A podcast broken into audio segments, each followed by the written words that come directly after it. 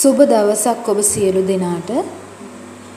අද දවසේ අපි කතිකාවතට පිවිසෙන්නේ මීට අවුරුදු 38කට පමණ ඉහතදී අඳුරු ජූලියේ අමිහිරි මතක ආවර්ජනාවක් එක්කයි.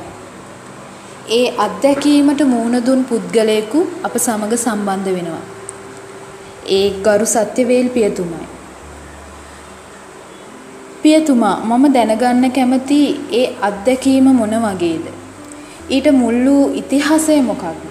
සහ අවසාන වශයෙන් අද දවසේදී තරුණ තරුණියන් වෙත ලබා දෙන පණිවිඩය මොකක්ද කියන කාරණා ගැන දැනගන්න.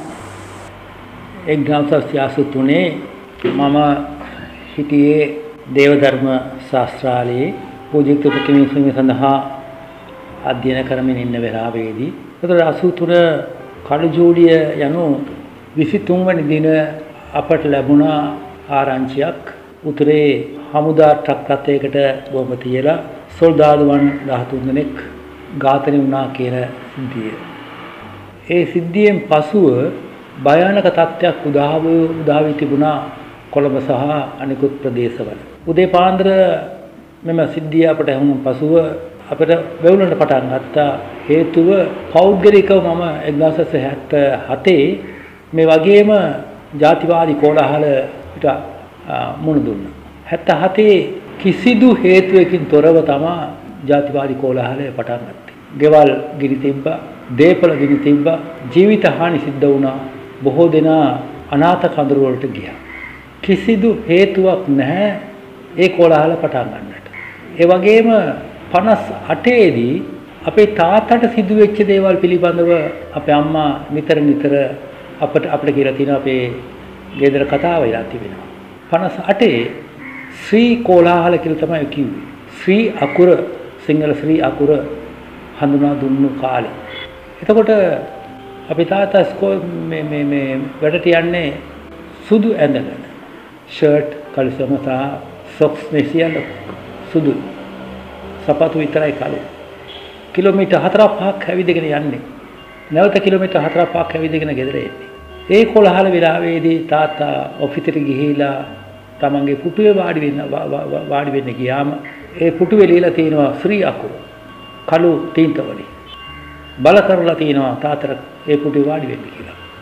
ඒ තාත්තා උදේ ඉඳන් හැන්දෑව වෙනකන් ඒ පුටුවේ වාඩි වෙලා ඉඳලා ඒ ඇඳුමෙන්ම එන්න සිද්ධ වුණා ගෙදරට. ඒ තාතාගේ වේදනාව ඒ තාතාගේ සිතුර තිබුණු බිය පුංචි අපටත් අපේ සිතුරටත් ගාව දෙන්න පටන් ගත්තා. ඒතර 77ට 77 අපි මුණ දුන්නා. අපි අනාථ කතරුට ගියා. පළමුවෙන්ම මම මම පෞද්ගලික ජීවිතයේ මම දුටුවා විශාල පිරිසක් එනවා. ඒ විශාල පිරිසක් ඇවිල්ලා උන් දේපල සුද්ධ කරගෙන ඇවිත් අපේ ගමට අපේ නිවසට උඩින් තිබෙන වත්තට ගිහිලා ඒ වත් වත්තේ තමයි ඔවුන් පටන් ගත්තේ. ඊට පෙර දින සද්ද ඇහෙනවා දෙමනුට ගහන්න ඕනේ දෙමනුට ගහන්න ඕනේ කියලා ඌ කියන සද්ද ඇහෙනවා. ඒ රාත්‍රියේ අපි නිින්ද ගියේ නැහැ. උදේ මොනවා වේද කියලා අපි දන්නේ නැහැ කියලා බලා හිටියා. ආපු පිරිස අපේ ගෙදරට ආවේ. ඇවිල්ලා අපේ ගෙදර අපි සූදානම් කරලා තිබුණා මොකක් හරි සිද්ධ වුණත් අපි අපේ විශේෂ දේවල් අරගෙන අපි යන්න ඕනේ කියලා. අපගේ ලිය කෙවිලි අපගේ ඇඳුම් මේවා ඒ ටික උස්සගෙන ඔන් දුවන්න පටන් ගත්තා. එකම දෙයක් ඒ වෙලේ ළමා දුටුවා අපේ අල්ලපු ගෙවල් වල තිබුණු උයලා තිබුණු කෑම් මුට්ටිය පවුස්සන් තිබුණා. ඒ වගේම රොටි හදන්න හදලා තිබුණු ඒ පිටිගුලිය උස්සගෙන ගියා. මේක වේදනාත්මකයි. මේක වේදනාත්මකයි. ඒ වෙලාවේදී ඒ පිරිස පිළිබඳව ලොකු තරහක් තිබුණා. මම පෞද්ගලිකව එක්කෙනෙකුට දෙන්නෙකුට ගහලා තමා එක පෙට්ටියක් මම උදුරාගත්තේ. මමයි මගේ අයියයි. අනිත උස්සගෙන ගියා දිව්වා. ඊට පස්සේ අපි අපි ගියා අනාථ කඳුර වලට අපි ඉපදුණු භූමියේ අපි අනාථ වුණා. ඉපදුණු භූමිය අනාථ වුණා. ඒක මතක් වුණා මට 83 දී මොකද වෙන්නේ යන්නේ කියලා කාරණා. ඒ පිළිමතලාව දේදරුව දේදරුව ශාස්ත්‍රාලේ ඉඳන් අපි එදින සවස් වරකට බියටපත් වෙලා පුංචි කැලෑවකට ගියා හැංගිලා ඉන්න. අපි කට්ටයක් ඉන්නකොට වර්ෂාවක් ආවා. ඔතන ඉන්න බෑ. ඔතන ඉන්න බෑ. ඊට පස්සේ අපි හිතුවා තවත් නිවසක ගිහිලා මේ ගෙදරක සීවිලින් යට අපි මේ මේ හැංගිලා ඉන්න ඕනේ කියලා. ඒ සිවිලින් යට ඇතුළු වෙනකොටම වගේ උඩ කන්දේ ඉඳන් කට්ටිය බලාගෙන හිටියා. තවත් බියක් ඇති වුණා අපට ඇවිල්ලා ගහයි ඒ මරයි කියලා. ඒ අතරතුර අපි අපි දන්නවා මේ අපි හිටපු ඒ විද්‍යාලයේ දෙවල දෙවලා ඉන්නවා කියලා ඒ අවට ඒ ගම්මාන වල ඉන්න අය දන්නවා. එතකොටම පතුරුවල තිබුණා කතාන්දර මෙහාට එනවා කියලා ගහන්න. එතනට එන්න බෑ. අපි එළියට ආවා. කාමරයකට වෙලා හිටියා. හුස්ම ගන්න විදියක් නැහැ. නමුත් රාත්‍රී නිින්ද ගියෙත් නැහැ. පාන්දර අපිව ගෙනිච්චා නුවර පුස්පදාන විද්‍යාලයේ තිබුණු කඳුරට. ඒ කඳුරට යන වෙලාවේදී අපි දුටුවා ඒ පාර සහ නුවර ඒ නගරේ. එදරා හිටිය අපි එක දවසක් හිටියේ ඒ පුස්පදාන කඳුර. එනවා එනවා එනවා පිරිස බස් වලින් ගෙනත් දානවා බස් වලින් ගෙනත් දානවා පිරෙනවා පිරෙනවා පිරෙනවා හිටගෙන ඉන්න විදියකුත් නැහැ. අපට සිද්ධ වෙයි ඊළඟ දවස් සිද්ධ වුණා පේරාදෙණිය විශ්වවිද්‍යාලයට අපිව ගෙනිච්ච. පුස්පදාන මේ මේ ඒ ඉස්කෝලේ ඉන්න වෙලාවේදී වින්න දවසේ ඇඳුම් නීතිය දා තිබුණේ. ඒ ඇඳුම් නීතිය දවස් දවස් වුණාට රාත්‍රියේ අපි දුටුවා ඒ අවට ගිනි ගන්නවා. ගිනි ගන්නවා. කවුද ගිනි තියන්නේ? ඇඳුම් නීති වෙලේ කාටද යන්න පුළුවන් කමක් තිබුණේ. එහෙනම් හමුදාව පාලනය යටතේ තිබුණු වෙලාවේ තමයි බොහෝ ස්ථානවල ගිනි තියන්න පටන් ගත්තේ. මෙරියෝ එකතු වුණා. හමුදාවත් එක්ක. එන රාජ්‍ය ත්‍රස්තවාදය සම්පූර්ණයෙන්ම එදා ඒ කෝලාහල මෙහෙවුවා. මම මෙතන කියන්න උත්සාහ දරන්නේ ඒ ජූලි 23 වෙනිදා උතුරේ ඒ හමුදාව ඝාතනය කළ නිසා නෙමෙයි මේ කෝලාහල.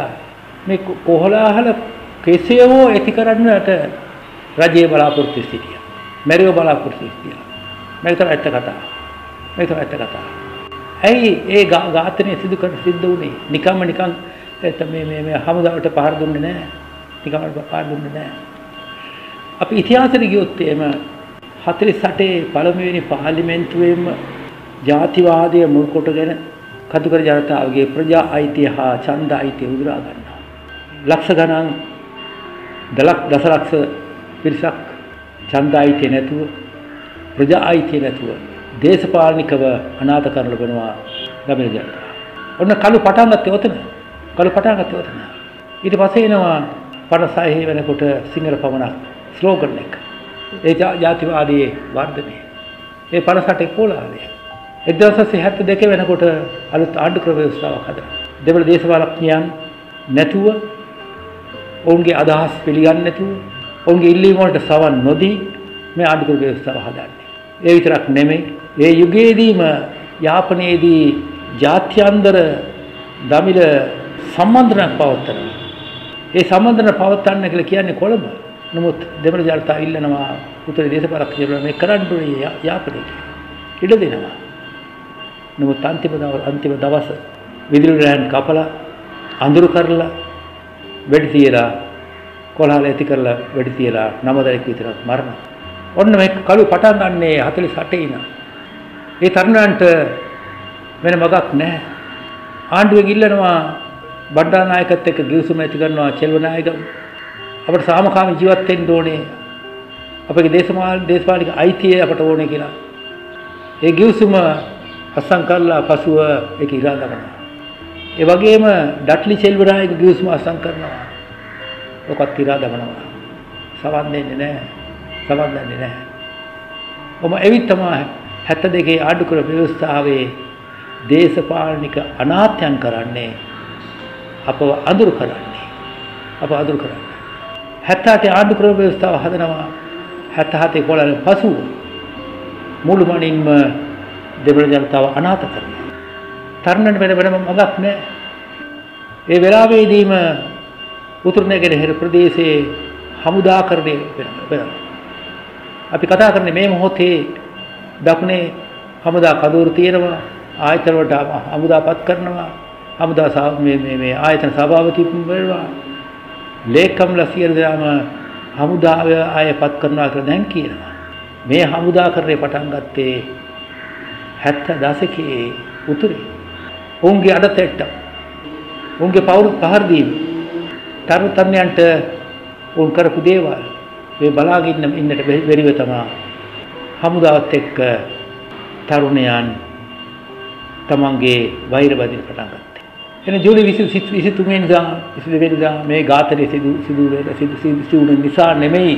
ඊට පෙර ඉඳන් මේ රාජ්‍ය ත්‍රස්තවාදය ජාතිවාදයේ සහ ආගම්වාදයේ මුල් කරගෙන දමිළ ජනතාව දේශපාලනිකව අනාථ කළා. අසුතුනේ ඒ කල් ජූලි ජූලිය වෙලාවේදී විශාල දේපල හානි සිද්ධ වුණා. කොළඹ හිටපු දෙමළ ප්‍රජාවට උන්ට යන්න සිද්ධ වුණා අනාථ කඳුරු වලට. රජය කලේ මොකද්ද? අනාථ කඳුරු වල හිටපු අයව නැවත ගෙනිච්චේ වවුනියාවෙන් එහා. ආණ්ඩුව පිළිගත්තා වවුනියන් එහා තමයි උන්ට ආරක්ෂාවක් තිබෙන්නේ මේ ආරක්ෂාවක් නැහැ කියලා. කතුකරේ හිටපාට සිද්ධ වුණා. වවුනියන් එහා යන්න විතරක් නෙමෙයි. ඔන් ඉන්දියාවටත් ගියා. බෝට්ටුවල ගියා. කිසිදු ලියකිවිල් නැති ගිය පිරිස තාම ඉන්නවා ඉන්දියාවේ අනාථ කඳුරු වල. ඔවුන්ගේ ජීවිතයෙන් ඉන්දියා ඉන්දියාවේ තවුන්ට ප්‍රජා අයිතිය නැහැ. ලංකාවේ තවුන්ට ප්‍රජා අයිතිය නැහැ. 77 ඉඳන් 83 ඉඳන් ඉන්දියාවේ එතන කඳුකරයේ දමිළ ජනතාවට කිසිදු දේශපාලනික අයිතියක් නැතුව රටක් නැතිව ඔව් සිටිනවා නම් 58000ක් පමණක් පිරිස එහි සිටිනවා නම් ඒ කලුව තවම මැකිලා නැහැ. 83 පසුව යුද්ධ දීර්ඝ වුණා. ඒ යුද්ධය පවත්වාගෙන ආවේ අන්තිම මොහොත දක්වා පවත්වාගෙන ආවේ ජාතිවාදයේ තමයි. 2009 යුද්ධය අවසන් කියලා කිව්වට 2009 යුද්ධය ආයුධය තමයි ඒ ආයුධ සද්දේ නතර වුණා නිසා ජාතිවාදය අවසන් වුණේ නැහැ. උතුරු නැගෙනහිර ප්‍රදේශයේ තවම පුරාවිද්‍යා දෙපාර්තමේන්තුව වන සංරක්ෂක දෙපාර්තමේන්තුව මහවැලේ එල් කලාපය ඒ තියෙන භූමිය අත්පත් කරනවා. හමුදා කඳවුරු පවත්වනවා හමුදා කඳවුරට අවශ්‍යයි කියලා තවම ඒ භූමිය අත්පත් කරගන්නවා. මේ ඉතිහාසය තුල ඒ ජාතිවාදී තවම අවසන් වෙලා නැහැ. 2009 පසු අපි දකිනවා මුස්ලිම් ජනතාවට එරෙහිව ඒ ජාතිවාදය ව්‍යාප්ත වෙන ආකාරය දර්ගා නගරයේ තෙල්දෙනිය අම්පාර නුවර මේ ඇතිවෙච්ච සිද්ධීන් අපි දන්නවා. ඒ වගේම 2019 කොච්චිකඩ සහ කටුවපිටිය සහ මඩකලපුව. ඒ බෝම්බ ප්‍රහාරයෙන් පසුව මේ ජාතිවාදයට ඉඩ දුන්නේ කෙසේද කියලා. ඒ නිසා ජාතිවාදය සහ ආගම්වාදය ශක්තිමත් වෙලා තිබෙනවා මේ මොහොත වෙනකොට පවතින ආණ්ඩුව පවා හෙට ලක්ෂයක් අපි දිනාගත්තා කියලා කියන්නේ ජාතිවාදී වපුරලා. 2015 දී මහින්ද රාජපක්ෂ පරාජය වෙලා තමන්ගේ නිවතට ගොස් දක්නේ කතා කළේ ජාතිවාදය. එහෙනම් මේ පාලකයෝ ජාතිවාදයෙන් තමයි තමන්ගේ දේශපාලනය කරන්නේ. තමන්ගේ දේශපාලනය සඳහා සමහර වික්ෂුන් වහන්සේලාවන් පාවිච්චි කරනවා. මේ ආගමික නායකයන් පාවිච්චි කිරීම තමයි දුක. එතන මේ මොහොතේදී තරුණ අපට වගකීමක් තිබෙනවා. ඇත්ත දැනගන්නටත් සත්‍ය දැනගන්නටත් ඒ සත්‍ය තුල සාමකාමී වාතාවරණයක් ඇති කරට සාමකාමී සංස්කෘතිය ඇති කරන්නේ කෙසේද? ජාතින්ගේ අනන්‍යතාවය තමයි ඉපදුණු භූමියේ ඒ පොළවේ නිදාසේ ජීවත් වෙන්න තිබෙන වාතාවරණය දේශපාලනික අයිතින් ඔවුන් සතු කළොත් පමණයි රටේ රටේ අනාගතයක් තිබෙන්නේ. ඊළඟ පරම්පරාවට අනාගතයක් තිබෙන්නේ. ජාතිවාදී සහ ආගම්වාදය දැන් පෝසත් වෙලා තිනවා. නමුත් ජනතාව දුප්පත් වෙලා ඉන්නේ. අන්ත දරිද්‍රතාවෙන් ජීවත් වෙන පිරිසකුත් ඉන්නවා. ඒ අයව පෝෂණය කරන්නේ ආහාර දීලා නෙමෙයි ජාතිවාදී සහ ආගම්වාදීව ඕන් පෝෂණය කරන්නේ. ඒ රටට අනාගතයක් නැහැ. අතීතයේ පාඩමක් ඉගෙන ගන්නත් නැහැ. නමුත් තරුණ අපට තිබෙනවා විශාල වගකීමක්. සත්‍ය දැන ගැනීම, සත්‍ය මාර්ගය ගමන් කිරීම, අපගේ ආගමික නායකයන් අපහට ඉගන්වූ ඒ සත්‍ය තුල රැඳී සිටීම තුළින් තමයි ඔවුන්ගේ ආලෝක තුළ ගමන් කිරීම තුළින් පමණයි අපට සංීදියාව ඇති කරමින් ඒ සංීදියාව තුළින් එක් එක්කිනා කෙරෙහි අවබෝධය තුළින් එක් එක්කිනාගේ ජාතින්ගේ අනන්‍යතාවය තේරුම් ගනිමින් භාෂාව තේරුම් ගනිමින් සංස්කෘතිය තේරුම් ගනිමින් ඒ සියල්ලට ගරු කරන්න පුළුවන් ප්‍රජාවක් වෙන්න පුළුවන් නම් අපට පුළුවන්කම තිබෙන ආලෝකයේ ගමන් කරන්නට. පළමුවෙන්ම මනුස්සයට ගරු කළ යුතුයි. අන් ජාතින්ට ගරු කළ යුතුයි. අන් ආගමීට ගරු කළ යුතුයි. ඔවුන්ගේ සිතුම් පැතුම් වලට සහ ඔවුන්ගේ සංස්කෘතිය වලට ගරු කළ යුතුයි. එසේ ගරු කළත් පමණයි රටට අනාගතයක් තිබෙන්නේ. ආත්මාර්ථකාමී පිරිසකගේ උවමනාවන් මත තැලෙන්නට බිඳෙන්නට වූ රිදෙන මතකය ගැන මේ කතිකාවේදී ඔබ වහන්සේගේ හඬේ ඉවන වේදනාව දැනෙනවා පියතුමනි. අද දවසේ ජේසු තරුණ සාමූහිකය සමග එකතුව ඒ අත්දැකීම බෙදා ගැනීම වෙනුවෙන් ඔබ වහන්සේට ස්තුතිවන්ත වන අතර සත්‍ය දැකීමත් ඒ තුලින් ආදරණීය જાතියක් වශයෙන් ගොඩනැගෙන්නට අවශ්‍ය ප්‍රාර්ථනාවන් එකතු කරමින් මම නිහඬ වෙන්න. ස්තුතියි.